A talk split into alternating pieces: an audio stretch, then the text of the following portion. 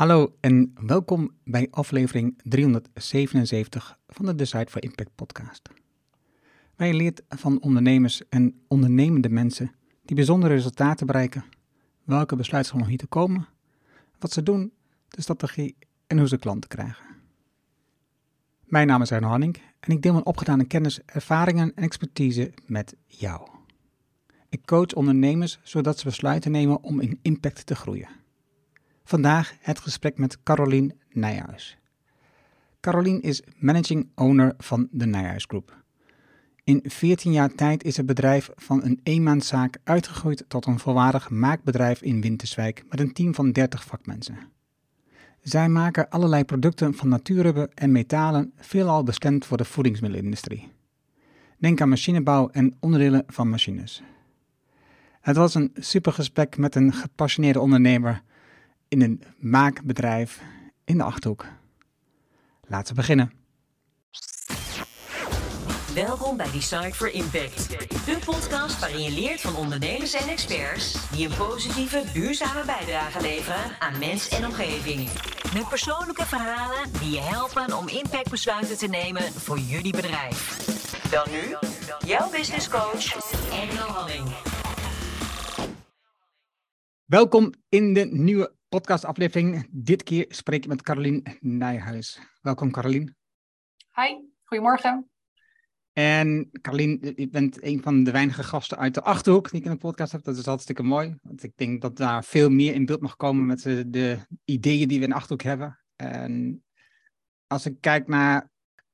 We even beginnen, want ik denk dat het goed is voor mensen om te snappen wat jullie doen. Uh, wat doet de Nijhuisgroep?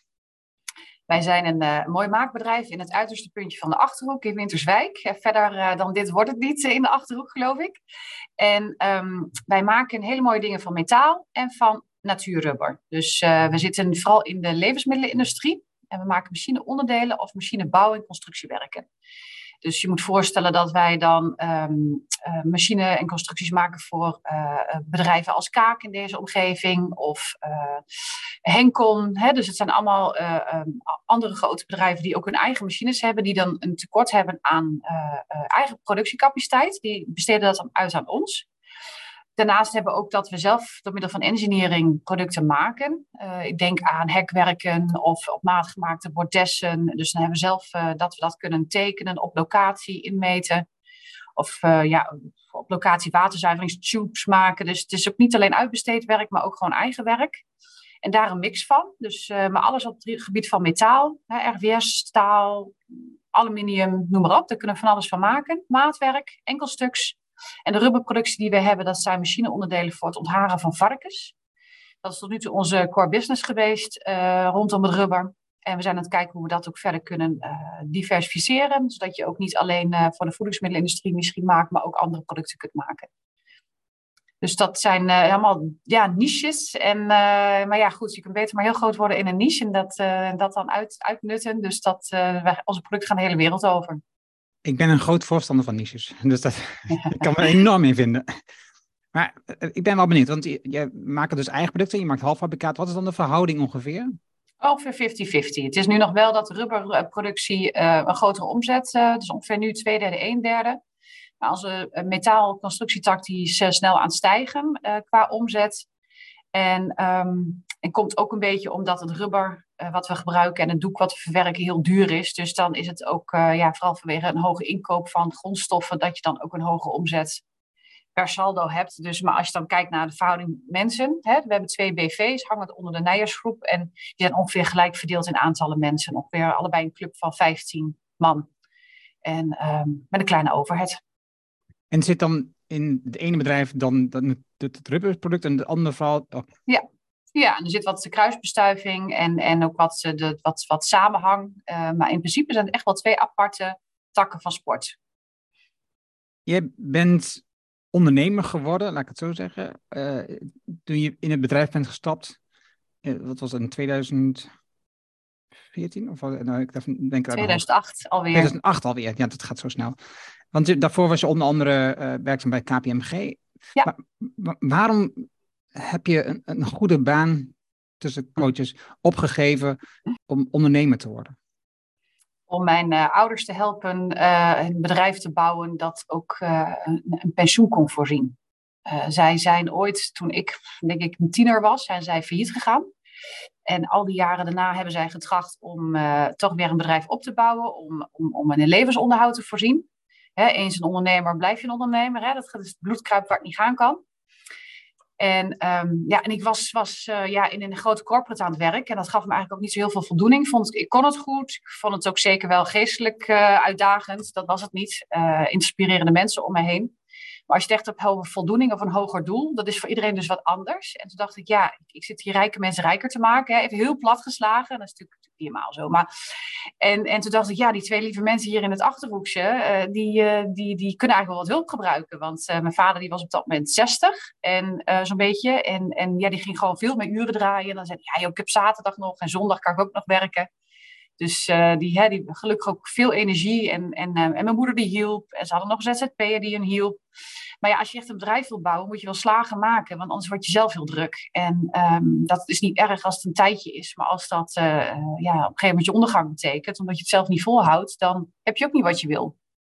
Dus toen heb ik eigenlijk in een. Um, nou ja, goed, de beste beslissing die, doe, die doe je vaak toch, uh, die, die, gaan zo, hè, daar is helemaal niet zo heel lang voor nodig. En met een zetje van mijn man, die werkte op dat moment uh, in, uh, in Utrecht ook samen met zijn vader, had een horeca-onderneming. En die zei, joh, wat hebben we te verliezen? Begin, ja, ik was begin 30. Hij zegt, ja, ik mij bevalt het om met mijn vader te werken, waarom zou je dat ook niet gaan doen? En als het nou niet bevalt, dan, wat, wat, hè, what's the harm? Je kunt dan toch gewoon weer terug en dan ga je wel weer een baan zoeken. Ja, nou ja, prima. Dus ik had zoiets, nou, dan gaan we dat gewoon drie jaartjes doen. En dan op en neer pendelen naar Winterswijk vanuit Utrecht. En, en dan kijken we of we het bedrijf kunnen verkopen. En dat zij dan een pensioen hebben, dat was een beetje de opzet. Ja, veel te makkelijk over nagedacht natuurlijk. Want het is maar goed ook dat je niet alles van tevoren in het leven weet. Want dan zet je dat soort stappen misschien helemaal niet. Want in de, maak, in de maakindustrie iets, iets neerzetten en opbouwen, dat, dan moet je echt wel een soort van uh, op je tandvlees uh, uh, een soort ja, doorzettingsvermogen hebben, een soort grit, om, om, om toch elke keer weer met tegenslagen door te gaan. Want het is een hele kapitaalintensieve business. Het is niet handel hè, die je even makkelijk kan schalen. Of dat je zegt, nou, ik heb gewoon een adviesbureau en ik zet een paar adviseurs bij en daarmee schaal ik. Hè. Dat is, dit is ja, je moet eerst maar zien dat je product überhaupt uh, aan de man krijgt en dat het nog gemaakt wordt. En met alle krijg je de grondstoffen wel van een goede prijs. Dus dat, ja, en dan moet je machines hebben, want je doet alles met handje in het begin. Nou, dat zijn wel hele andere uitdagingen waar je dan tegenaan loopt. En um, ja, in het begin heb je ook geen medewerkers, moet je alles zelf doen. Dus, uh, dus het eerste wat ik heb gedaan is volgens mij nog een krediet afgesloten op mijn KPMG-salaris.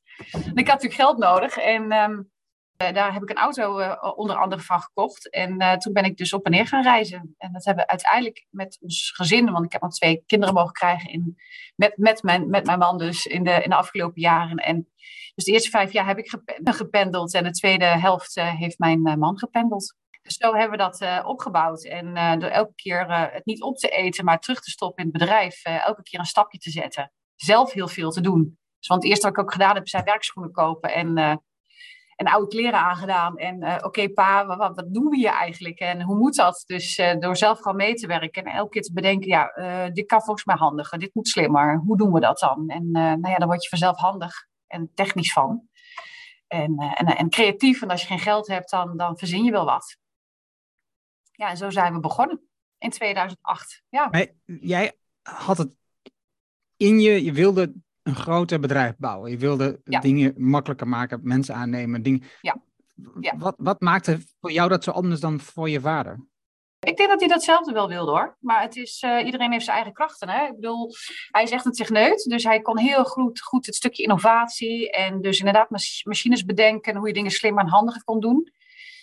Maar een bedrijf is zoveel meer dan dat. Hè. Je, eh, als je het hebt, dan heb je ook de, de HR, je hebt je finance, je hebt je verzekeringen, je risk. Je hebt nou, alle andere aspecten wat, wat maakt dat een bedrijf succesvol is. Je structuren, processen, uh, duidelijkheid, dingen gaan noteren. Wat heb je allemaal in je hoofd zitten? Dat moet je niet in je hoofd, dat moet in het bedrijf zitten. Iedereen moet vervangbaar zijn. En ja, dat is toch wel weer wat anders dan... Ik ga eens even kijken of ik dit machientje aan de praat kan krijgen en dat we dat kunnen uh, innoveren. Dat is een heel belangrijk onderdeel Um, maar het is het samenspel van al die onderdelen dat maakt dat het ook um, uh, schaalbaar wordt. Het onderhandelen met klanten, zorgen dat je goede afzetmarkt ook uh, gaat realiseren. Hè? Daar heb je een goed product voor nodig. Dat verkoopt zichzelf wel aardig. Maar hij zult ook aan marketing moeten doen, aan branding en juist de doelgroepen bepalen. Dus het is, het is, het is veel meer dan dat. En, en ehm, mijn vader is heel goed in het huidige proces zien van wat is, wat is nodig om het slimmer te maken. En hij was heel goed in die stip op de horizon. En daartussen zit, zit dan ook nog een hele hoop. En daar was ik dan blijkbaar goed in. Dus het was een hele goede match ook. En, en we hebben ook heel veel, uh, de, dat waar we goed in waren, ook aan elkaar overgelaten. Dus we hebben ook daar nooit strubbelingen over gehad. Dus het was ook een, uh, ja, een hele prettige tijd om dat samen dus dan de, ja, op te gaan bouwen. Wat was zijn stip aan de horizon? Ja, goed, hij, hij kan het dan zelfs zo groot maken dat je dan de, de grootste leverancier wordt van, van deze onderdelen van de wereld. Hè? Want dat uh, bijvoorbeeld, en, en uh, had ook wel een goed idee hoe hij dat moest doen. Hij kent die slachtwereld en dat, hè, wat voor product hij dan nog meer zou kunnen verkopen. Dus uh, ja, dat gaat vaak zoveel verder. Dat is niet eens haalbaar. Hè? Dat, dat in ieder geval niet nu en ook niet met de beperkte middelen die je dan hebt. Maar je hebt dan op een gegeven moment wel samen een, een, uh, een, een, stip op die horizon. En ook vooral met tegenslagen is dat wel handig. Als je zo geloof hebt in het product wat je dan hebt en maakt. Want uh, tegenslagen krijg je genoeg als ondernemer. Die zijn ons deurtje ook niet voorbij gegaan. En ja, ik kan een boek schrijven. En elke keer denk ik, nou, mijn boek is compleet. Hè? Er komt er weer een hoofdstuk bij. Dus dat is ook iets wat volgens mij, eh, je wordt alleen beter in opstaan als je weer neergehoekt bent. Hè? Dus, dus, dus dat, je denkt, nou, daar vinden we dan ook alweer een oplossing voor. Dus je wordt zelf wat weerbaarder.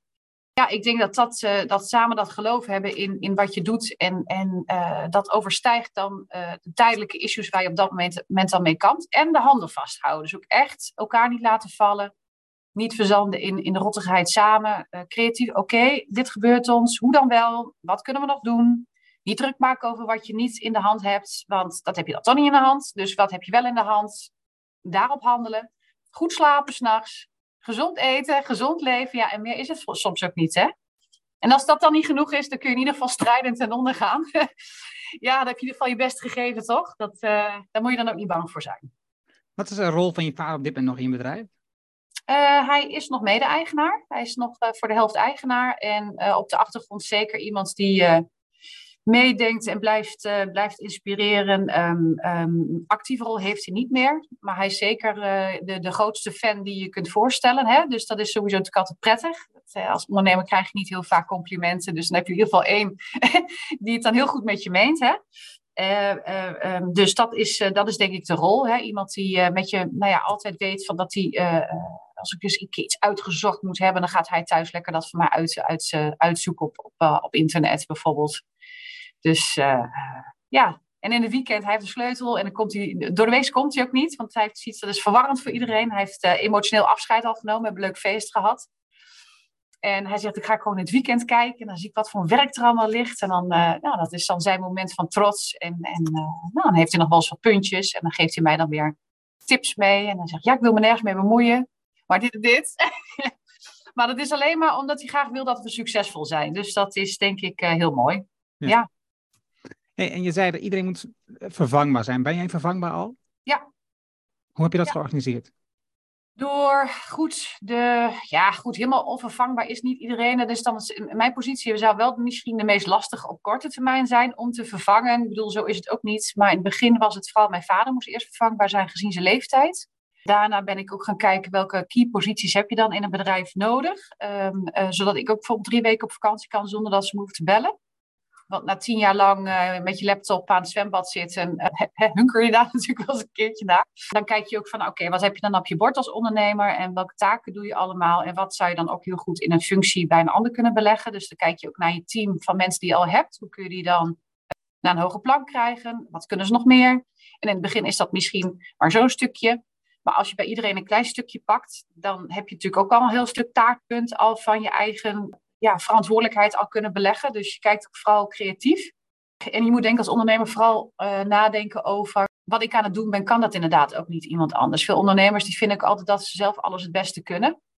Nou, dat is misschien vaak ook best wel zo, want uh, het zijn vaak ook uh, vakmensen die, of af, nou, een adviseur is of iemand in de techniek die natuurlijk iets begonnen is, omdat ze daar heel goed in zijn. Maar ja, tot een mannetje of 10, 15 gaat dat nog wel. Maar daarna eh, loop je zelf over. En uh, dus als je bedrijf wilt bouwen, dan, dan moet je er ook nagaan van... oké, welke van de taken die ik nu op mijn bord heb liggen... geeft mijzelf dan ook tenminste energie. Dus je moet ook heel goed als een spiegel naar jezelf gaan kijken. Van waar ben ik gewoon misschien niet zo goed in? Of wat, wat vind ik gewoon echt niet zo leuk? Nou, begin, dan begin je daar eens mee. En dan kijk je of je daar mensen om je heen kunt verzamelen. En, en soms is het ook per toeval hè, dat je mensen tegenkomt. Ja, misschien is het ook niet toeval. Dan, ben je al heel bewust natuurlijk je radars aan het uitzetten. Of dan praat met mensen van, goh, wat zou fijn zijn als ik iemand tegenkom die er zo of zo. En dan, nou ja, dan die mensen zoals een Harold Vuling of een... Um, ja, goed, andere directeuren die dan in de regio spreekt. En die hebben, oh, ik weet wel iemand. Of die zoekende. Of dan moet je eens met die praten. En ja, zo gaat het dan toch. Uh, ja, en dan, dan moet je een beetje geluk hebben. En soms, en heel bewust ook gaan werven. Want als je wilt groeien, dan moet je wel de juiste mensen op de juiste plek hebben. Ja, anders kan dat ook niet. Je moet het ook los kunnen laten en ook geen controlfreak zijn, denk ik. Je moet wel in control zijn, maar niet eh, ook, ook kunnen accepteren dat een ander iets doet zoals hij of zij het doet. En misschien niet op jouw manier, maar dat de output dan oké is, is het ook goed. En dan loslaten. Ja, ja, dat is wel lastige voor veel ondernemers. Jazeker. Want dat is natuurlijk nou net ook niet wat in de karaktereigenschappen van een ondernemer zit. Hè? Ja. Maar goed, het is maar net wat je wil. Hè. Sommigen willen ook graag uh, die rol blijven houden. Hè? Dat is ook goed. Dus voor iedereen wat anders, hè? Maar dat betekent uiteindelijk dat ze niet groeien. Hè? Je, ja. Wat je al zegt, dan zit je wel ergens tegen die 10, 15 personen limiet in je bedrijf aan. En, ja. en, en, door, jij bent dan de bottleneck en je groeit ook gewoon niet verder. Precies, ja. Heb je een MT?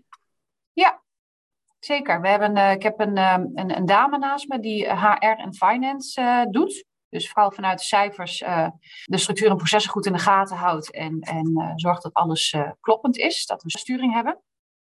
En ik heb een, een heer naast me, dat is een manager operations. En die heeft overzicht op de hele productievloot, zullen we maar zeggen. En we hebben een aantal key posities ook geformuleerd. Eén voor R&D, dus innovatie die valt dan wel rechtstreeks dan onder mij. Uh, om, om daarmee continu eigenlijk die, die verbeteringen ook door te voeren. Dus ook vrijgespeeld daarvoor. Dus ik vind het ook heel belangrijk om steeds slimmer, handiger, beter te werken. Dus dat is iets wat uh, continu ook uh, nou ja, gebeurt. En dan hebben we wel op bepaalde posities ook voor, soort voormanfuncties. Hè? Dus, dus productieleiders. zodat ook ehm, deze operations manager natuurlijk niet alles in zijn eentje hoeft te doen. Dus dat een aantal verantwoordelijkheden en taken ook echt wel weer belegd zijn bij uh, de teamleden. Want anders kun je niet over 30 man goed managen. Hè? Want je hebt, uh, als je iedereen als een kwartier per week spreekt, dan ben je al een dag kwijt, anderhalf aan, aan, aan gesprekjes überhaupt. Dus in die tijd moet die man wel hebben. Nou, technische dienst is, is geregeld. Dus we hebben echt al een aantal nou, rollen, taken uh, belegd bij mensen, zodat dat ook eigenlijk continu wel de boel in, in, ook weer in control is. Ja. Zie je dan ook dat jullie echt gewoon een hiërarchische organisatie hebben, waarbij je drie niveaus hebt, zeg maar? Nee, ja, jij. Uh, uiteindelijk met 30 man zijn de lijntjes natuurlijk heel kort. En we stellen ons als MT op als coach. Uh, juist ook om de kracht bij de mensen te halen die dus wel een stukje verantwoordelijkheid willen nemen. Dus dat ze zelf eigenlijk vanuit zichzelf hun, rol ook pakken. In plaats van dat wij ze vertellen wat ze moeten doen. En daarin geven we wel richting aan en, en, en sturing. En, maar vooral dus ook die coaching. Dus dat ze ook echt in hun kracht zetten. Want eigenlijk wil ik er helemaal niet zo druk mee zijn. Maar een coachende rol. En hebben de mensen volgens daar de opleiding voor om die coachende rol op te pakken bijvoorbeeld? Of is het gewoon van nature? Uh, beide. Er zijn verschillende opleidingen die, natuurlijk, gedurende het jaar volgen. We hebben meegedaan je zegt natuurlijk, dat is niet natuurlijk. Nou, bij ons is continu leren wel een ding, want dat heb ik zelfs vastgelegd in onze uh, kernwaarden. Dat wij uh, niet alleen open en eerlijk met elkaar willen communiceren en dat het ook respectvol moet zijn. Want leuk als je open bent, maar als je alleen maar hottigheid zegt van ja, ik was wel open, ja, is prima, maar moet wel respectvol zijn. en, um, en dat je dus met elkaar bouwt aan vertrouwen, want anders kan je sowieso niet samenwerken en dan kun je dus ook loslaten. En, um, en dat willen we dan doen in een, onder een paraplu van een, een groeimindset. Dus ik vind het heel belangrijk dat ze snappen als ze met mij werken, dat de wereld altijd in beweging is. En dat er ruimte is voor ontwikkeling. En dat kan ook zijn dat als je bij mij uitontwikkeld bent en ik heb geen groeimogelijkheid meer voor je, dat het oké is dat je weggaat. En dat is dus ook niet erg. Hè? Dan, hebben we weer een fan erbij voor, uh, voor, voor het leven. Um, en ik denk dat dat door die angst weg te nemen, dat dat. Uh, en helpt ook bij hè, als nodig is. Dus ik ga mensen niet op straat zetten of zo. Uh, dat, dat, dat probeer je dan ook samen goed uh, in te vullen. Maar dan heb je wel een, een, basis waarin mensen zich heel vertrouwd voelen om ook te zeggen wat ze denken dat anders en beter kan. Zonder, te verwij dus zonder verwijt of ja, waardoor iedereen eigenlijk zijn autonomie ook kan pakken. Hè? Van, van hoe zij dan denken dat zij hun functie beter kunnen uitoefenen. En daar ga je dan kijken van wat hoort er dan bij. En dat, dat, dat kunnen wij niet altijd helemaal zelf, want ik ben ook niet een HR, uh, ik heb niet per se een HR-achtergrond. Ik, ik, ik, kan wel mensen lezen, ik kan wel vragen stellen. En uh, hè, wat, uh, wat, wat drijft je, wat is je motivatie? En, ja, en de eerlijkste antwoorden komt ook als ze geen angst voor je hebben. Hè, want anders dan zijn ze altijd op een hoede. En als ik meen van ja, weet je, ik heb er ook baat bij dat je goed in je jasje zit, want dan doe je, dan doe je het ook beter. Dus zeg ze even, stel je nou eens voor dat we hetzelfde belang hebben. dat vergeten mensen ook altijd. En um, ja, daarmee hebben we bijvoorbeeld ook dat project Een Leven Lang Leren gedaan bij uh, de MKB-ID. Uh, via met, met zes andere, vijf andere bedrijven hebben we dat gedaan. En daarmee zijn we ook gaan kijken naar een, een leven lang leren ook binnen de organisatie omdat wij onze structuur en processen eigenlijk al wel goed hadden staan, konden wij ook meteen inzoomen op hoe kun je dan nog weer verder bouwen aan dat vertrouwen en communicatie. Want dat is eigenlijk de key. Onze MT-vergaderingen gaan ook helemaal niet zo over cijfers. Die gaan vooral ook over de mensen die bij ons werken.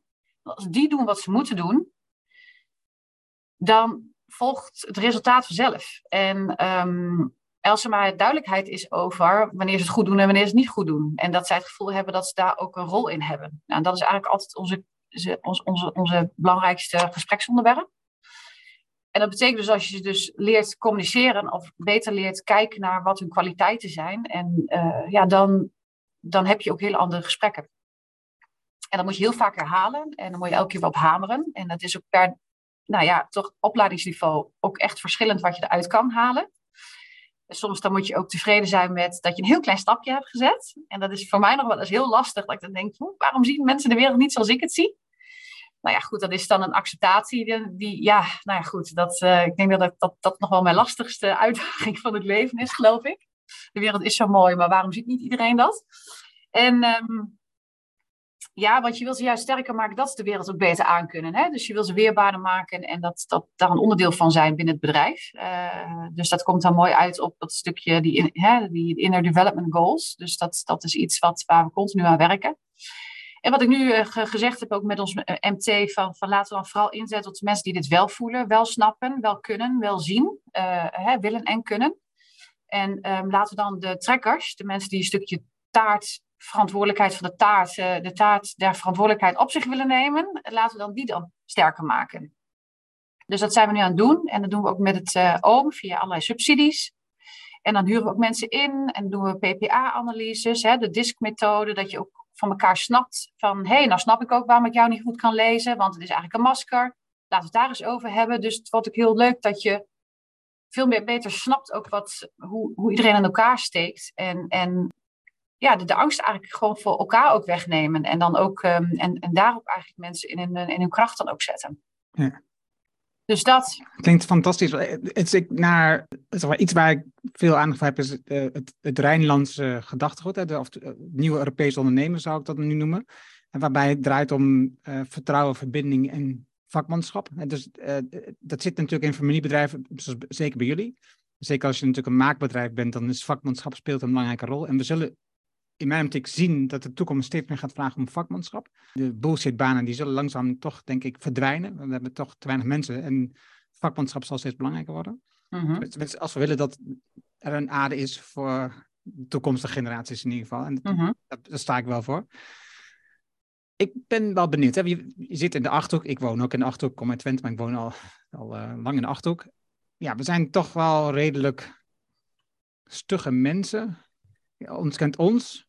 Wat de boer niet kent, dat eet hij niet. Uh, allemaal dat soort uitspraken, dat, die komen uit deze regio. En die, zijn, die kloppen ook over het algemeen wel. Dus het duurt vrij lang voordat je iemand zeg maar, accepteert voordat hij iets met je gaat doen. Hè. Dus je hebt veel tijd nodig om een relatie te bouwen. En, dan, uh, en als je een relatie hebt, dan is dat ook goed. Hè. Dan, dan heb je weinig nodig om daar, daarna vol te houden.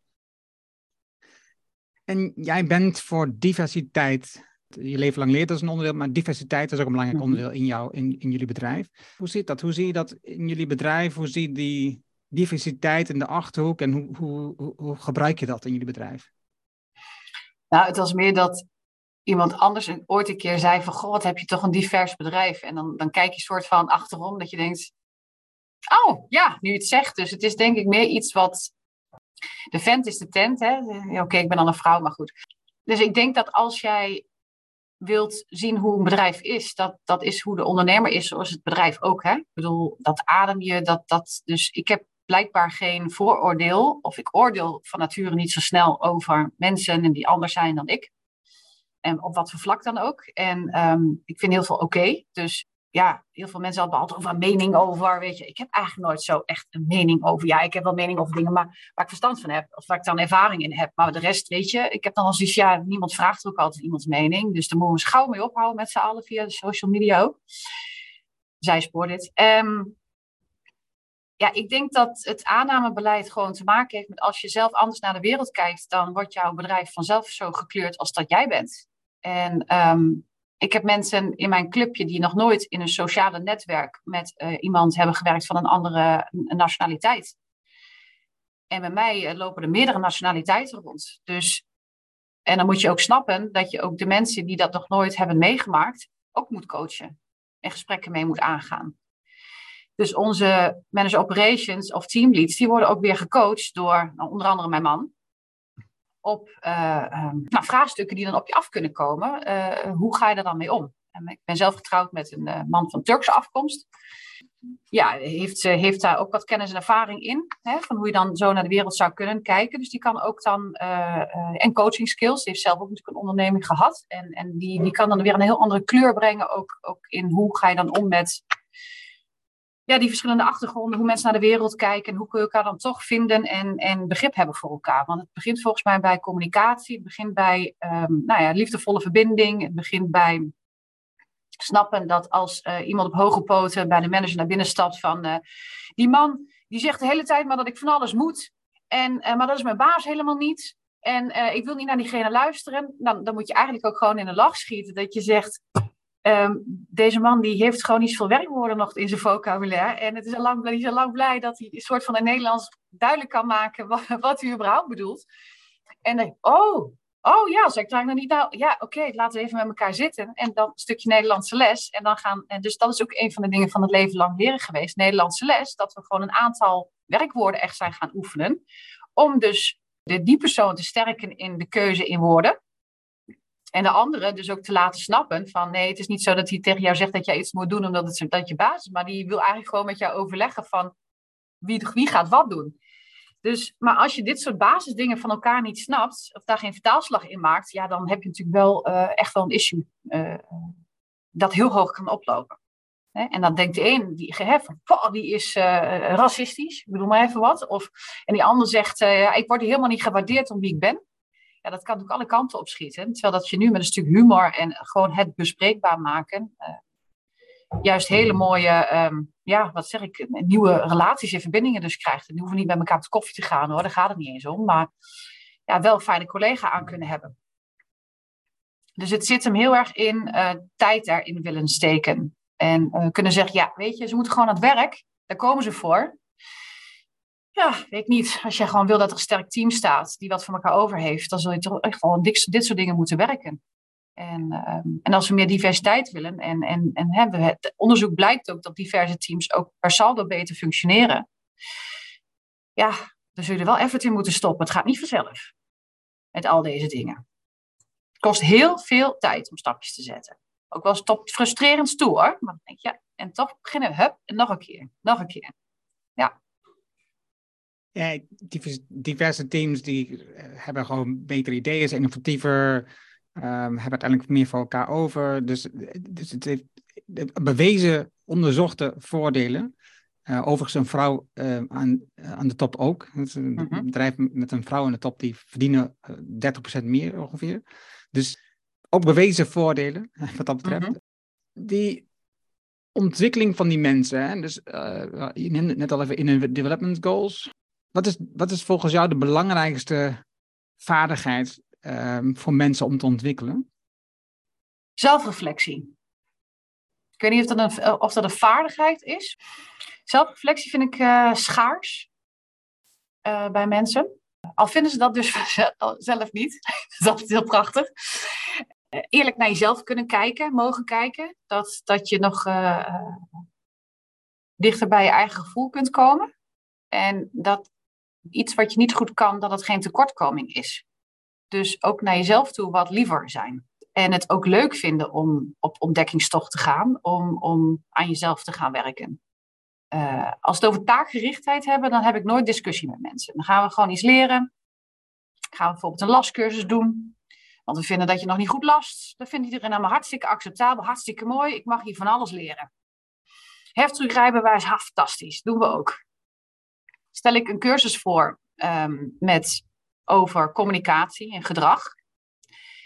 Ja, zeggen ze dan. Ik heb toch het idee dat je me wilt veranderen. Ja, klopt. Ik zeg maar, als ik jou een lascursus geef, kun je beter lassen, beter ook veranderd. Je hebt vaardigheid erbij. Dus het is toch best wel um, een uitdaging om, om um, ja, met dat stukje persoonlijke ontwikkeling. Uh, dat, is, dat is iets wat we gewoon, denk ik, vroeger op de lagere school. Ik heb dat vroeger op de lagere school niet gehad. Hè? Dat, uh, wat je nu ziet bij, de, bij, bij mijn kinderen, dat ze dus inderdaad holz en water krijgen. Hè? Van hoe voelt het als iemand naar tegen je doet? En hoe voelt het dan als iemand heel positief tegen je doet? Hoe kun je sterk gaan staan, ondanks dat iemand iets negatiefs over je zegt? Dat ken ik helemaal niet vanuit onze uh, generatie vroeger. En ik vind het top dat ze dat doen. En ik denk dat, dat we daar de hele, hele wereld ook mee kunnen winnen. Dat, dat, dat stukje zelfreflectie en, en uh, dat het oké is soms te voelen dat iets niet fijn voelt. Ja. Ik zat uh, een boek, uh, ik heb een een boek gelezen, Everybody Matters.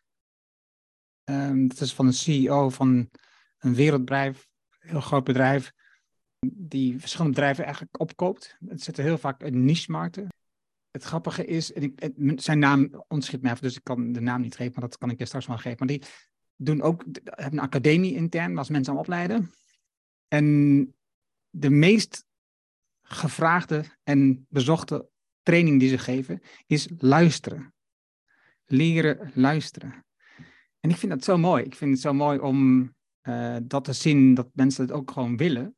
Want ik denk dat het een onderschatte kwaliteit is luisteren naar anderen. Dat je, dat je op het moment dat iemand iets zegt, gewoon stil bent. En niet al nadenkt over wat je kunt tegenwerpen. We, we zitten, je verwees net al naar social media, dus we, we, zitten toch al in een tijdperk waar we vinden dat we van alles iets moeten vinden en dat ook moeten zeggen.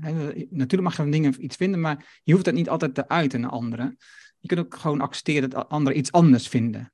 Mm maar ja, we leven in een wereld waar we graag um, van uiterste leven. Hè? Dus je bent of voor of je bent tegen. En dus, um... Ja, en ik geloof ook echt dat de, de kracht zit in die verbinding om meer grijs te gaan zien. Of meer roze, wat net hoe in het, uh, het kader van mijn jasje. Ja. maar dat is, dat is uh, door als je namelijk... Um, als je, we, hebben, van, we hebben laatst hadden wij een bedrijfsfeestje, hadden we hele grappige brilletjes, waaronder een soort flauw powerbril, een mooie roze bril. Stel je hebt dus de wereld, hè, we vinden iets, je bent voor of tegen, maar denk nou, als je nou eens die roze bril opzet, hè, als je dan met liefde zou bekijken, weet je wel, is het dan werkelijk zo anders dat die ander wat anders denkt? Die is ook anders groot geworden. En er zijn hele andere discussies die momenteel in de wereld spelen, ook veel, uh, kun je veel genuanceerder gaan voeren. En dan kun je elkaar ook ergens vinden in, in het midden misschien wel. Of dat je zegt van, goh, ik heb er zo nog nooit tegen aangekeken. En hoe zouden we het dan eens kunnen oplossen? Want ik denk dat je elkaar eerst moet horen en snappen wat die ander zegt en waar die vandaan komt om ook te kijken waar de verschillen zitten, maar ook waar, weer, waar de overeenkomsten zitten. En vanuit die overeenkomsten kun je misschien weer een nieuwe weg vinden voor de toekomst die beter passend is voor beiden. Maar dat vergt echt wel ook weer die zelfreflectie, dat je ook af moet stappen met het feit dat je vindt dat je zelf overal gelijk in hebt. Hè? Dat jouw mening dan, hè, jouw identiteit, jouw uh, dat dat dan hetgene is wat, wat um, waarheid is. Ja, voor jou, maar voor die ander geldt wat anders. En, en ja, nou goed, weet je, maar ja, als we dit niet hadden, dan zou er geen oorlog zijn. Hè? Ik bedoel, um, zo is het ook. Dus het blijft natuurlijk voor alle generaties die nog gaan komen altijd een, een strubbeling. Is het, met wat je net zegt, is het dus noodzakelijk dat je af en toe oorlog in de tent hebt? Nee, zeker niet. Zeker niet. Ik zou juist willen dat dat niet nodig is. Want ik geloof echt oprecht als je naar elkaar luistert en allebei een hoger doel nastreeft, dat je, gezamenlijk, dat je een gezamenlijk doel hebt voor de toekomst, dat je dan uh, wel een weg vindt om uh, een, in respect met de verschillen van uh, de som der delen, dat je daar dan toch nog een, een, een goede weg in kunt vinden. Ik denk, ik denk dat als je kijkt naar, uh, we zoeken heel veel naar verschillen. Hè? Dus iets klopt niet, want het is anders. En ja. precies wat je zegt, het is juist veel mooier om te zoeken naar de overeenkomst en vandaar het ja. verder te bouwen. Ja. En de verschillen precies. mogen ook gewoon we wezen voor de. Ja, maar die zijn ook juist soms meest interessante aan iemand. Hè? Juist, hè, we hebben een, een, een, een, collega die is gevlucht uit Irak. Nou, ik, ik vind het bijzonder intrigerend om, om zijn verhaal ook te horen, wat hij meegemaakt heeft en wat, met van wat van omzwervingen ze hier terecht zijn gekomen. Daar kan je alleen maar diep respect voor hebben wat, wat, dat die man er gewoon staat en s'morgens gewoon zijn werk komt doen en nog fluitend en lachend en weer koekjes meeneemt omdat hij gewoon uh, dankbaar is en uh, het leven gewoon uh, waardeert. Dan denk ik, ja, dan, dan kunnen wij als, hier als prinsjes en prinsesjes nog wel wat van leren. Hè? Dus, dus, dus, dus ja, probeer ook, ook de verhalen ook beter te horen en te snappen waar iemand vandaan komt. Dan wordt een ander mens ook veel mooier van. Ja. Niet zo lang geleden heb je een post gedaan op LinkedIn over de maakindustrie, maar überhaupt gewoon over de middelen die beschikking zijn en het aantal wat failliet gaat. Dat is een behoorlijke emotionele oproep, zou ik bijna willen zeggen. Veel reacties op gehad, veel likes, veel gedeeld. Wat vind jij dat daar anders in moet? In hoe we als hoe de overheid omgaat met ondernemers, met bedrijven? Nou ja, sowieso voelen ondernemers zich niet gehoord in het handelen van de overheid. En terwijl dat er toch veel gelobbyd wordt. Je krijgt het gevoel dat er andere belangen spelen die niet gezegd worden. Eh, dus ik denk dat het stuk vertrouwen inderdaad mist. En, uh, en dan ook, het, het, de, ook de twijfel in de, de kennis en kunde van de verschillende personen die in, in de overheid op bepaalde posities zitten. Uh, hè, dat je zegt, van zitten dan ook wel de juiste persoon op de juiste plek met de juiste kennis. Hè? Het is meer dat ik die oproep ook heb gedaan, ook voor, niet alleen voor mezelf, maar ook voor mijn team. En ook voor mede-ondernemers die zich misschien niet uitspreken en in stilte uh, leiden.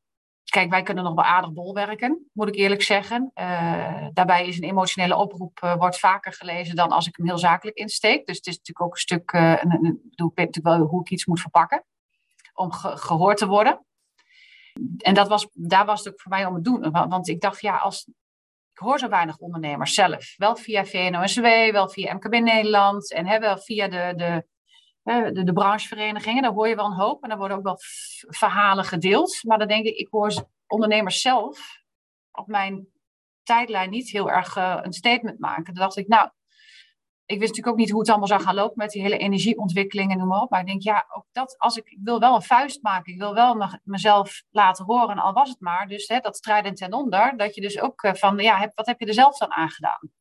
Nou, je, je kunt alleen maar doen uh, wat, je, wat je zelf kunt doen.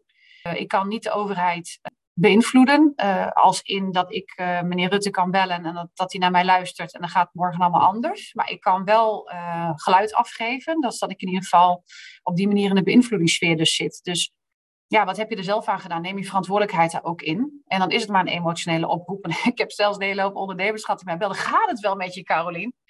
Ja, nou, het feit dat ik me een keer emotioneel uit en dat ik ook emotioneel voor mijn, mijn groep sta, weet je, ik ben ook maar mens. En ik, doe dit 14 jaar lang, ik heb mijn ziel en zaligheid erin zitten. En uh, met het uh, hè, tegen niet, echt niet zo mooi salaris als wat ik hiervoor had. En dat denkt iedereen dan altijd, dat ondernemers dan kasgraaiers zijn en dat we dan met dikke dividenduitkeringen iedereen uitstaan te knijpen. Nou, gemiddeld MKB-bedrijf zit zo totaal niet in elkaar. En het eerste wat je doet is je eigen management fee achteruit schuiven. Maar dan denk ik, ja, weet je, als je dat met elkaar niet snapt, dat nu gezonde bedrijven dus ook een dikke tik krijgen, ook al sowieso al na eh, corona, dan sla je de plank wel mis. Want als wij dus willen verduurzamen, en dat wil Nederland graag, en we willen niet afhankelijk zijn van ons eigen uh, eten, drinken, en hè, dat we onszelf ook een beetje kunnen bedruipen. We willen immers wat meer terughalen vanuit uh, Azië, dat we wat meer hier in Europa weer gaan produceren dat je dan met Europa samen gaat kijken waar je dat dan het beste kunt doen. Dat lijkt me heel verstandig. Hè? Uh, dat, je, dat je misschien uh, de, het klimaat op de juiste plekken benut voor de juiste product, productievraagstukken. Daar geloof ik ook wel in. Maar dan moet je dus nu niet zorgen dat die industrie om zeep geholpen wordt. Want die is al zo kapitaalintensief. En als ik nu dit niet red, dan ga ik niet nog een keer een maakbedrijf omhoog trekken. Dat heb ik nu 14 jaar lang gedaan met alle op houtjes bijten van dien. Uh, dat dat, dat uh, ga ik niet in deel 2 van mijn leven nog doen. Dus, maar met mij denk ik ook vele anderen. Hè, vooral zijn ook veel oudere ondernemers, hè, die hebben nog geen opvolger. Nou, die, die, die zitten sowieso met handen in het haar. Bedrijf wat natuurlijk in één keer een stuk minder waard is. Er zijn al geen opvolgers te vinden. Want net als dat, je geen, dat we tekort aan vakmensen hebben, ook een tekort aan ondernemers die het nog willen doen. Dat is uh, doorspekt in de hele maatschappij, dus ook in ondernemers. Ja, nou ja, dan zou ik me wel lichtelijk zorgen maken als overheid. We willen versneld verduurzamen, maar iemand moet toch die zonnepanelen maken.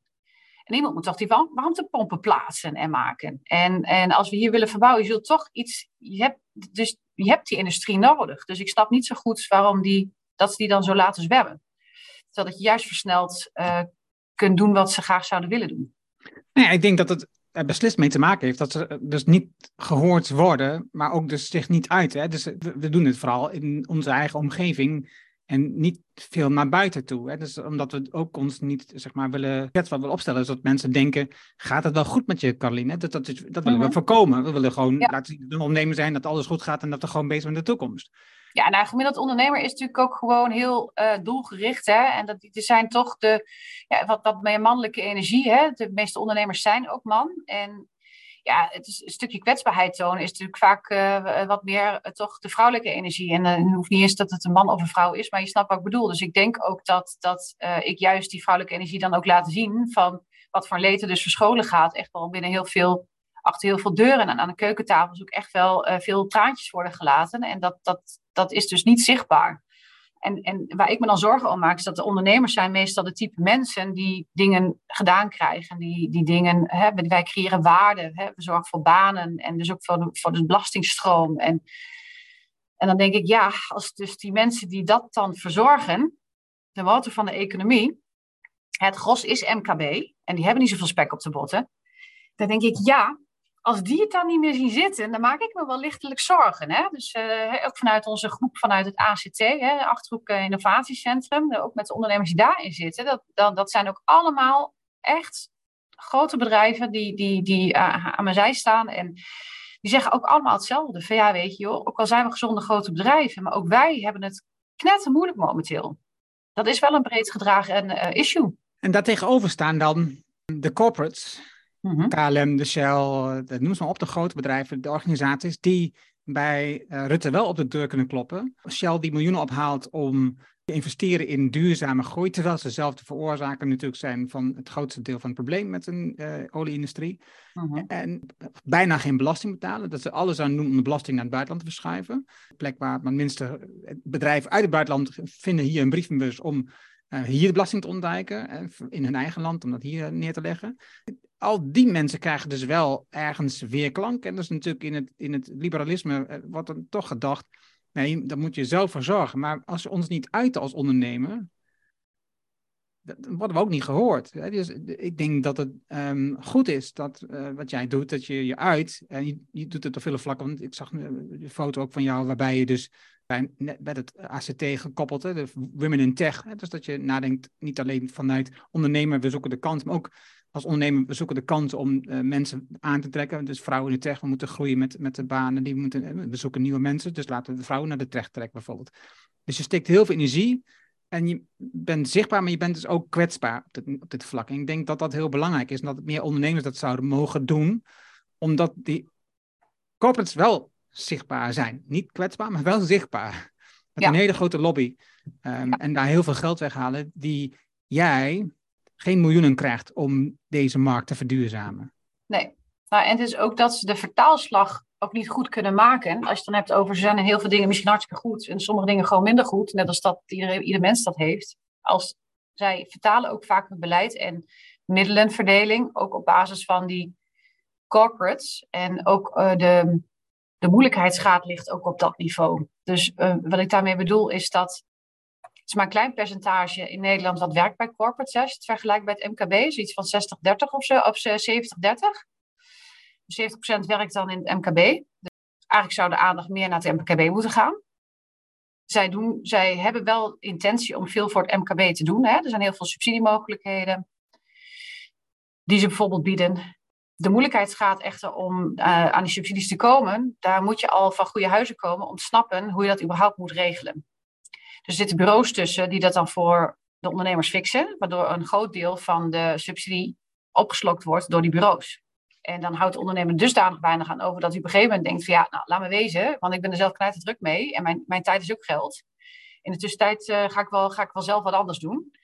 Dus je slaat dan ook met elkaar de, de plank volledig mis. Ze weten niet waar ze het uh, moeten zoeken, maar ook letterlijk die skills niet hebben. Het gros van MKB zijn dus mensen die ergens heel goed in waren en daar een bedrijf omheen hebben gebouwd. Die zijn niet per se goed in HR of goed in subsidies binnenhalen.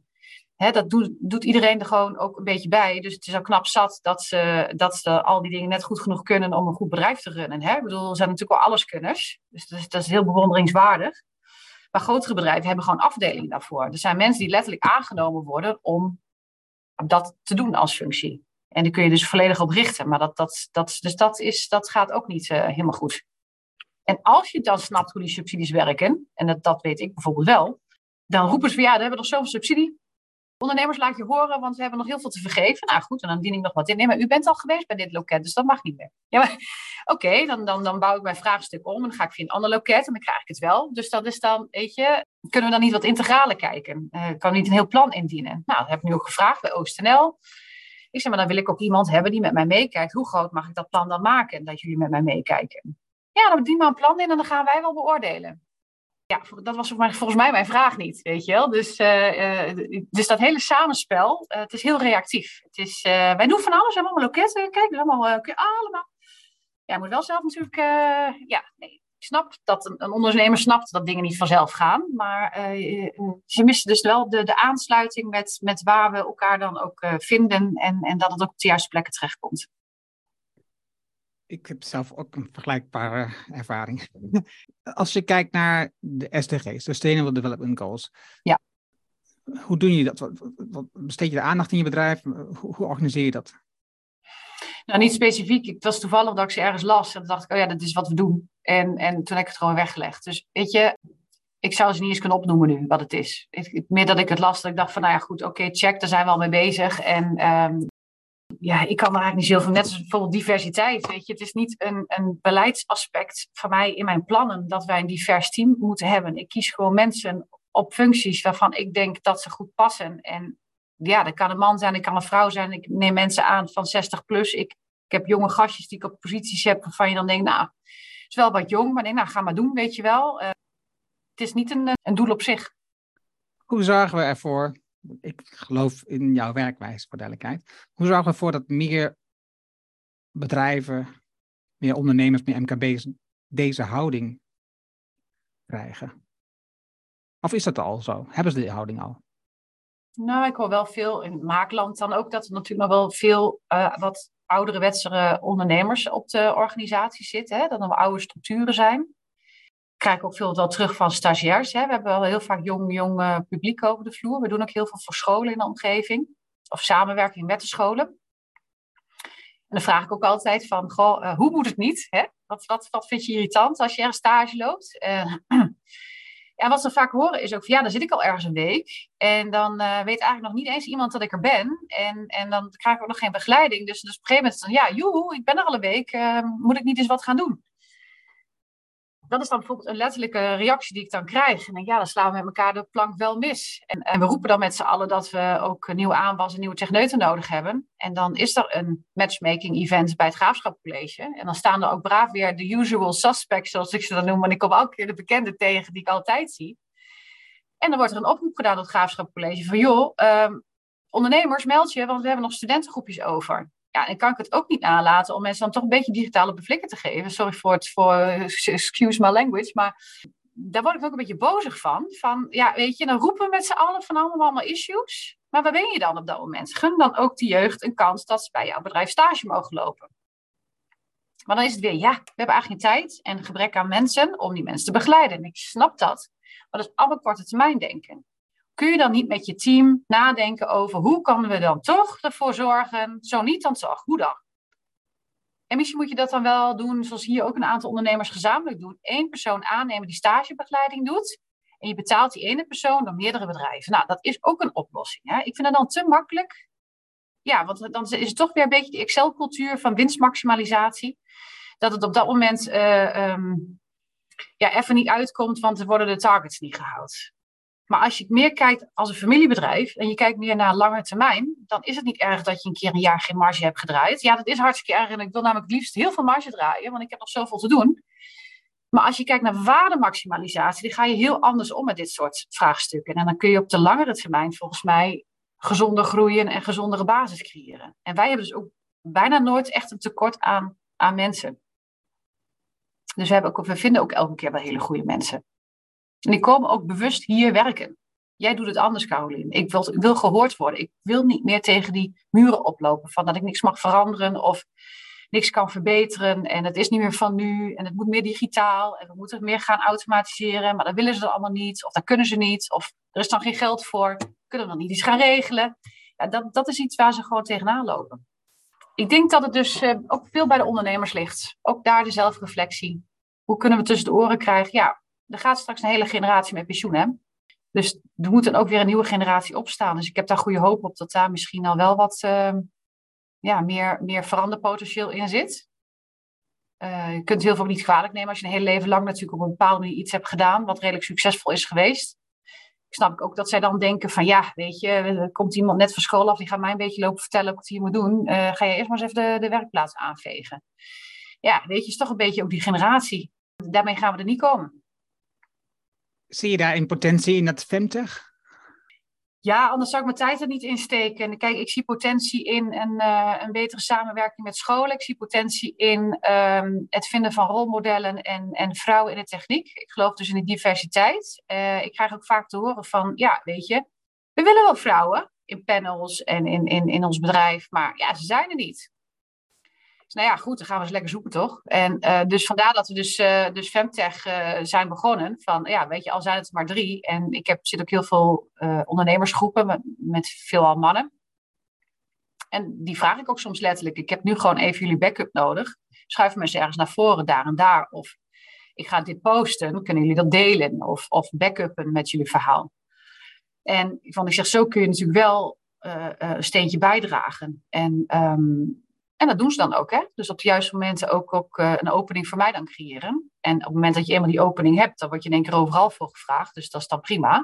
Maar dat kunnen ze ook voor andere vrouwen doen. In die samenkomsten van die vrouwen, ja, dan, dan zitten er ook hele jonge dames hè, die gewoon in de techniek werken, bijvoorbeeld als productiemedewerker, maar ook bijvoorbeeld een, een, een aansturende rol hebben. Of, uh, dus het, zijn, het is een hele doorsnee van gewoon de tech, techwereld. En dan probeer ik ook op mijn manier ook, ook aan te geven, dames, uh, hou op een keer met sorry zeggen over dingen. Doe de man ook niet.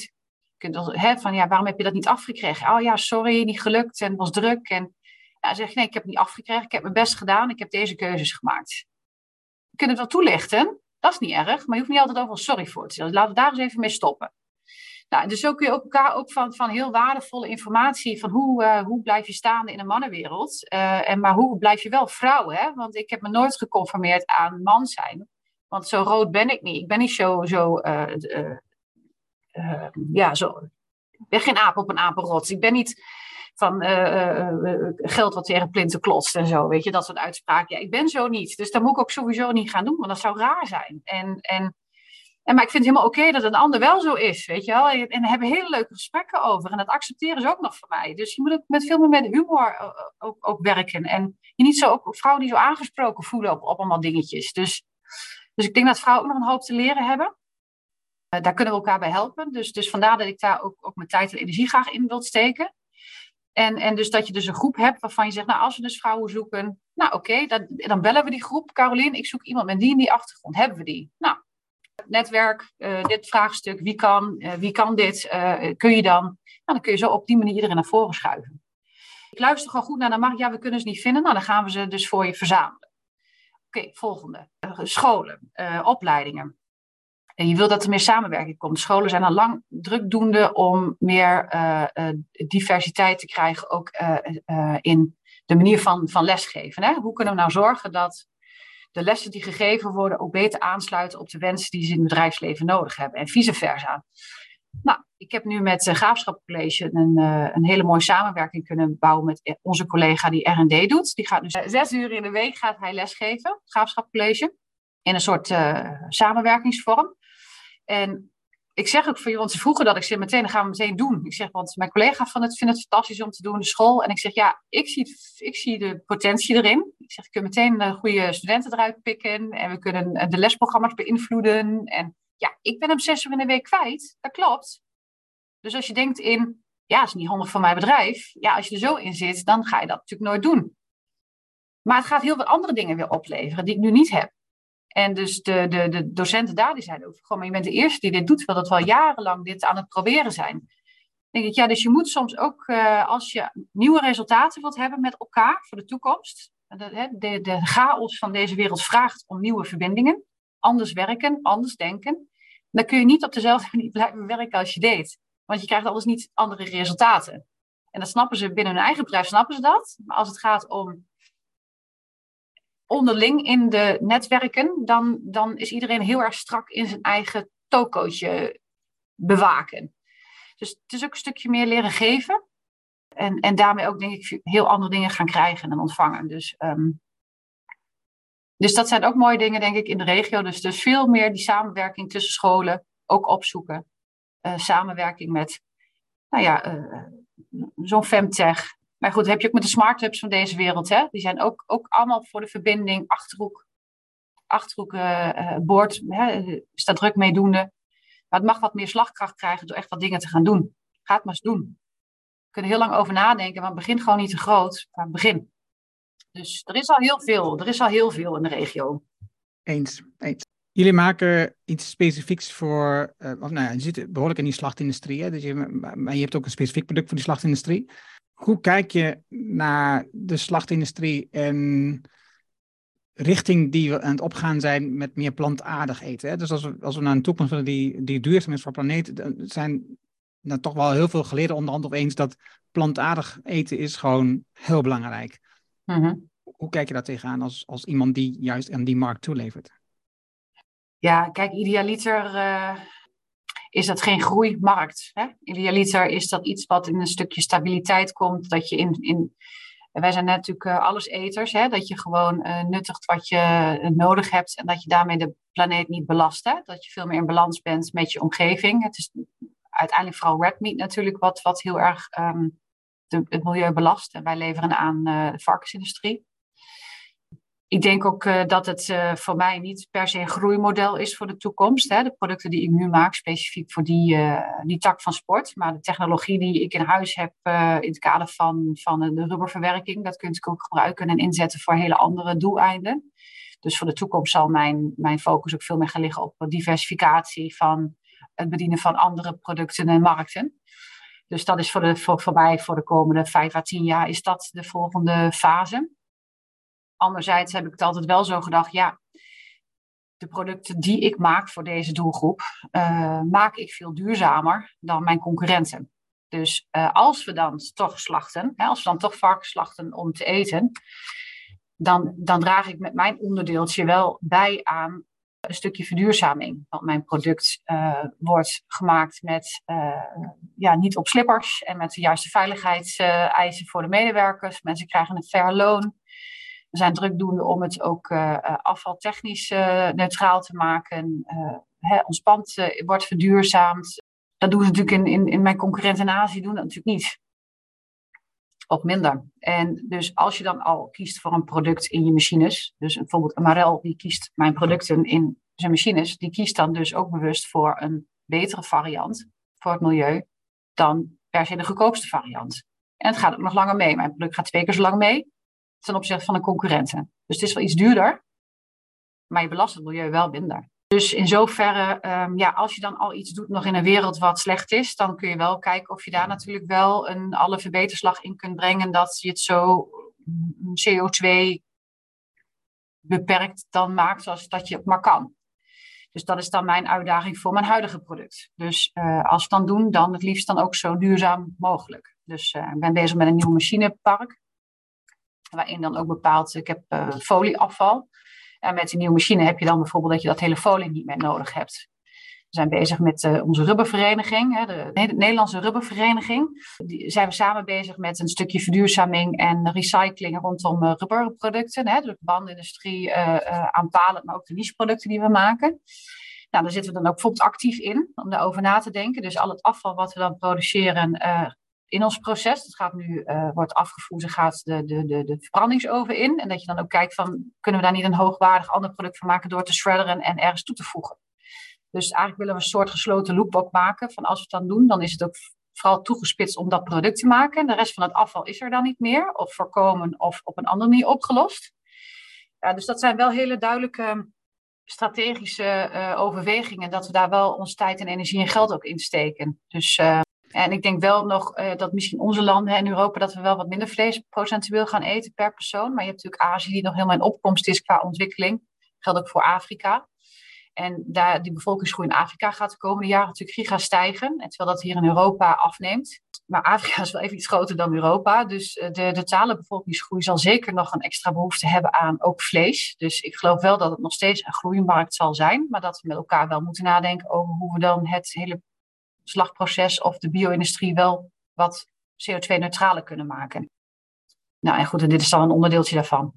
Ja, maar uiteindelijk betekent dat dus veel meer ook lokaal dingen organiseren in plaats van uh, dingen over de wereld willen verslepen. Ja. Maar goed. Ik vond het, uh, ik heb nog, nog wel heel veel vragen, maar ik vond het gewoon een fantastisch gesprek. Ik vond het heel mooi om te horen hoe jij dat doet, hoe jullie dat doen. Is denk ik beter. De najaarsgroep, hoe je dingen organiseert, hoe je dingen in verband brengt, de communicatie die je hebt, de instelling die je hebt als ondernemer, die anders is dan gemiddeld, vind ik zelf. En dus ook naar de toekomst toe, in mijn optiek beter is voor uh, een duurzame onderneming en een duurzame rol in de maatschappij ook voor de onderneming. En ik denk dat dat iets is wat we ja, als ondernemer wel meer zo mogen uitdragen. Hè? Dat, dat het niet alleen gaat over de onderneming zelf en ondernemen, maar dat het ook gaat over de rol die je hebt in de maatschappij met je onderneming. En mm -hmm. als jij dan kijkt naar hoe jij omgaat met mensen, de diversiteit in een leven lang leren. Want dus als je een bedrijf opzet waar je dus leren stimuleert, en dat gaat op alle vlakken, hè, dus technisch vlak, maar ook de, de, de, emotionele ontwikkeling van de mens. Dan betekent ook dat mensen graag bij je willen werken. Want die willen zichzelf, mm. iedereen wil zichzelf ontwikkelen. Dus als je een plek vindt waar je kunt ontwikkelen, waar je mag ontwikkelen, dat is natuurlijk een fijne plek om te werken. Dus dat is logisch dat mensen op jullie afkomen om daar te werken. En ja, dat kost marge, maar het levert zoveel op. Hè? Dus het kost economische marge, maar het levert zoveel sociale impact op. Dat is niet normaal. Ja, want ja, ik bedenk me altijd als ik straks uh, hopelijk 80 plus ben en dan een onderwijs oud vrouwtje hoop ik dan te zijn. Hè? Wat wil je laten worden als je groot bent? Nou, dat. Waar mensen ook graag nog komen, hè? waar je wat, wat, wat levenswijsheden mag delen. En dat, dat, dat ook nog accepteren ook nog. dat is niet denk ik wel een raar mens. Maar um, dan zou ik graag op mijn leven terugkijken ook uh, dat je dus mensen hun leven hebt geraakt ook, hè, ten positieve. En, en dat is ook een bepaalde winst uh, die, je, die je mag meenemen. Dat is warmte, dat is uh, ja, een soort liefde. Hè? En, en, het is niet, niet een liefde als in tussen partners, maar gewoon een liefde voor je medemens. En, en ik denk dat heel veel mensen heel, heel fijn zijn. En het gros van de mensen wil graag hun best doen. En, en ook gelukkig zijn. En we hebben allemaal niet zulke hele, hele gekke uh, verschillen in wensen die we hebben. Je wil gezien worden, je wil een compliment krijgen, je wil ertoe doen, je wil gewaardeerd worden. Weet je, dat geldt denk ik breed voor iedereen. En als je daar een stukje aan hebt kunnen bijdragen, ja, dan heb de wereld een stukje beter achtergelaten. Want zij, zij leren dat ook. Dus ze, krijgen daar toch iets van mee. En op die manier hoop ik dat zij dat ook weer teruggeven aan hun directe omgeving. En ja, en als je dus ook liefdevol over elkaar spreekt, dan, dan, dan ja, gaat dat ook weer verder. Hè? Ik geloof daar ook oprecht in. Er is allemaal onderzoek naar gedaan. En ja, weet je, dat, dat, uh, we zijn met z'n allen gewoon energie. En, en, over 50 jaar ben ik er niet meer. Dus wat maakt het dan nog uit wat ik gedaan heb? Hè? Nou, het maakt uit door misschien hetgeen wat je een paar zaadjes hebt geplant bij iemand, die, die daardoor ook weer beter heeft kunnen groeien. Dus als we dat allemaal nou eens zouden gaan doen, dan, dan krijg je een soort gedragen goed daarin. En, en heel veel staan er ook echt wel voor open. Die ook, uh, hè, als je hulp vraagt, zijn er echt meer mensen dan je denkt die je ook willen helpen. Maar dan moet je dus al wel de stap durven zetten om geholpen te willen worden. Dan moet je ook snappen dat je überhaupt hulp nodig hebt. En, de, en, en, en, en dat, dat, dat het helemaal niet gek is waar je dan hulp voor wilt vragen. Want daar, daar begint het vaak. Hè? Het, de, de onmacht ook van, van niet weten hoe. Maar dat, dat, dat begint bij dat je, dat je dus in een soort omgeving zit waar dus oké is dat je het even niet meer weet. Hè? En, en, um, en, en, en dat we met elkaar soms elkaar ook aankijken. Ja, weet je, dan moeten we soms ook wel om lachen. Dan krijgen we weer een, een tegenslag. En dan kijk je met de groep ook wel eens even, ja, hoe gaan we dit nou weer oplossen, weet je wel? Dan zegt mijn collega, die dame dan, die zegt, uh, ja, ik doe het, gewoon heel makkelijk op Caroline. Ja, ik ga gewoon naar mijn baas, weet je wel? Ja, ha, ha, weet je wel, hoe gaan we dit nou weer doen? Nou, wie kennen we? Wie gaan we eens bellen? En kun je eens komen? Kun je, je me helpen? Hoe zit dat? En ja, dan denk ik, uh, elke keer komt er toch wel weer een oplossing. Ja, en ik, ik denk dat die, die, die lol die je met elkaar hebt, het is eigenlijk weer zo'n feel-good movie. Maar goed, dat is ook een reden waarom om die, die films ook altijd zo goed voelen.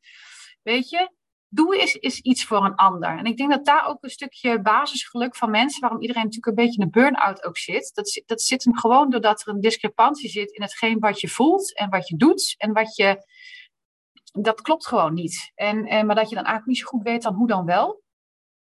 Maar je moet eigenlijk een soort time-out ook voor jezelf ook creëren om erachter te komen wat je vlammetje ook weer doet branden. En, um, en die gesprekken moeten beter gevoerd worden. En die last moet niet allemaal bij ondernemers liggen, want het gros zit hem helemaal niet in het werk. En het zit vaak ook op het thuisfront. Maar dat je dus eigenlijk uh, met elkaar ook uh, ja, veel meer naar de oorzaak moet kunnen gaan.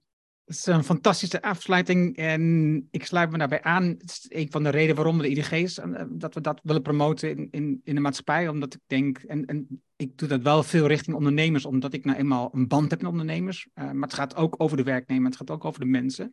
En dus ik wil het breder hebben dan alleen ondernemers. Maar het, ja, ik denk dat het hier een, een, bron zit om de stress te verminderen bij mensen. Dat denk ik ook. 30% van, van mensen die uitvallen met stress voor een deel van de tijd. Dat is gewoon dat is zonde. Het is, het is verloren kapitaal, dat is ook naar kijken. Dat is economisch zonde. Maar het is nog veel meer zonde van die mensen. Dat ze zich in die tijd niet ontwikkelen, last hebben, een gezin, dit, oh, die, die olievlek die jij beschrijft, dat, is zo'n positief zaadje Maar dit, een negatief zaadje, heeft ook een olievlek. Maar dan de andere kant op. Hè? Dus de belasting van iemand die in, in de stress en uitvalt, heeft ook een belasting in het gezin, waardoor de andere partner overbelast wordt, waardoor kinderen beïnvloed worden. Er zitten ook zoveel aspecten in die uh, olievlek op. En dat kunnen we oplossen. Dat kunnen we gewoon ja. oplossen door met elkaar uh, naar elkaar te luisteren, door een beetje met introspectie uh, aan de slag te gaan en te kijken wat is de kant waar je op wil en daaraan te werken. En wat minder te ja. denken in economie economische groei, uh, meer geld en meer verdienen. Maar meer te denken, hoe kan ik zelf meer groeien als mens? Hoe kan ik me ontwikkelen en wat kan ik daaraan doen? Ja. Dus Carlien, ik vind, ja. dank je hartelijk voor jouw inzichten die je gedeeld hebt vandaag. Nou, wie weet in de toekomst doen we het nog een keer. En als je weer een stapje verder met heel veel dingen hebt gehad. Waarvan je zegt, huh, hoe doen we dat nou weer? Dat is dagelijks hoor. ja. Dankjewel, dankjewel. Ja, oké, okay, graag gedaan. Dat was het mooie gesprek met Carolien. Je vindt de namen en links die we noemden in het artikel dat bij deze uitzending hoort. Ga daarvoor naar decideforimpact.com slash show 377. Wil je vanzelf automatisch de volgende aflevering van deze podcast op je telefoon ontvangen? Dat kan heel eenvoudig. Heb je een iPhone, dan zit daar standaard de Apple Podcast app op. Open deze app, zoek de Decide for Impact podcast en klik op abonneer. Oh jee, even een vinkje aanzetten dat je de aflevering ook wilt downloaden. Heb je een Android-telefoon? Installeer dan bijvoorbeeld eerst de Player FM app. Zoek daar de Decide for Impact podcast op en klik op abonneer. Dankjewel hiervoor. Heb je een opmerking, reactie of vraag van Carolien of over de podcast in het algemeen? Stuur dan een e-mail naar podcast@decideforimpact.com. Ik hoor super gaaf van jou. Wil je meer impact, meer resultaat, meer effect van je werk en meer effect voor de mensen met wie je werkt? Download dan het whitepaper Winst en Impact met lange termijn besluiten op decideforimpact.com. Dit is mijn nieuwste whitepaper en je downloadt het daarom helemaal gratis. Je hebt zelfs geen e-mailadres nodig. Mijn nieuwste boek is altijd gratis, vraag het daarom nu aan. Vraag jouw whitepaper nu aan op decideforimpact.com. En ik weet, je hebt een volle agenda, je leest het in één avond tijd. Dankjewel voor het luisteren en graag tot de volgende. Dankjewel voor het luisteren naar deze aflevering van de Decide for Impact podcast. Ga voor jouw volgende stap naar decideforimpact.com.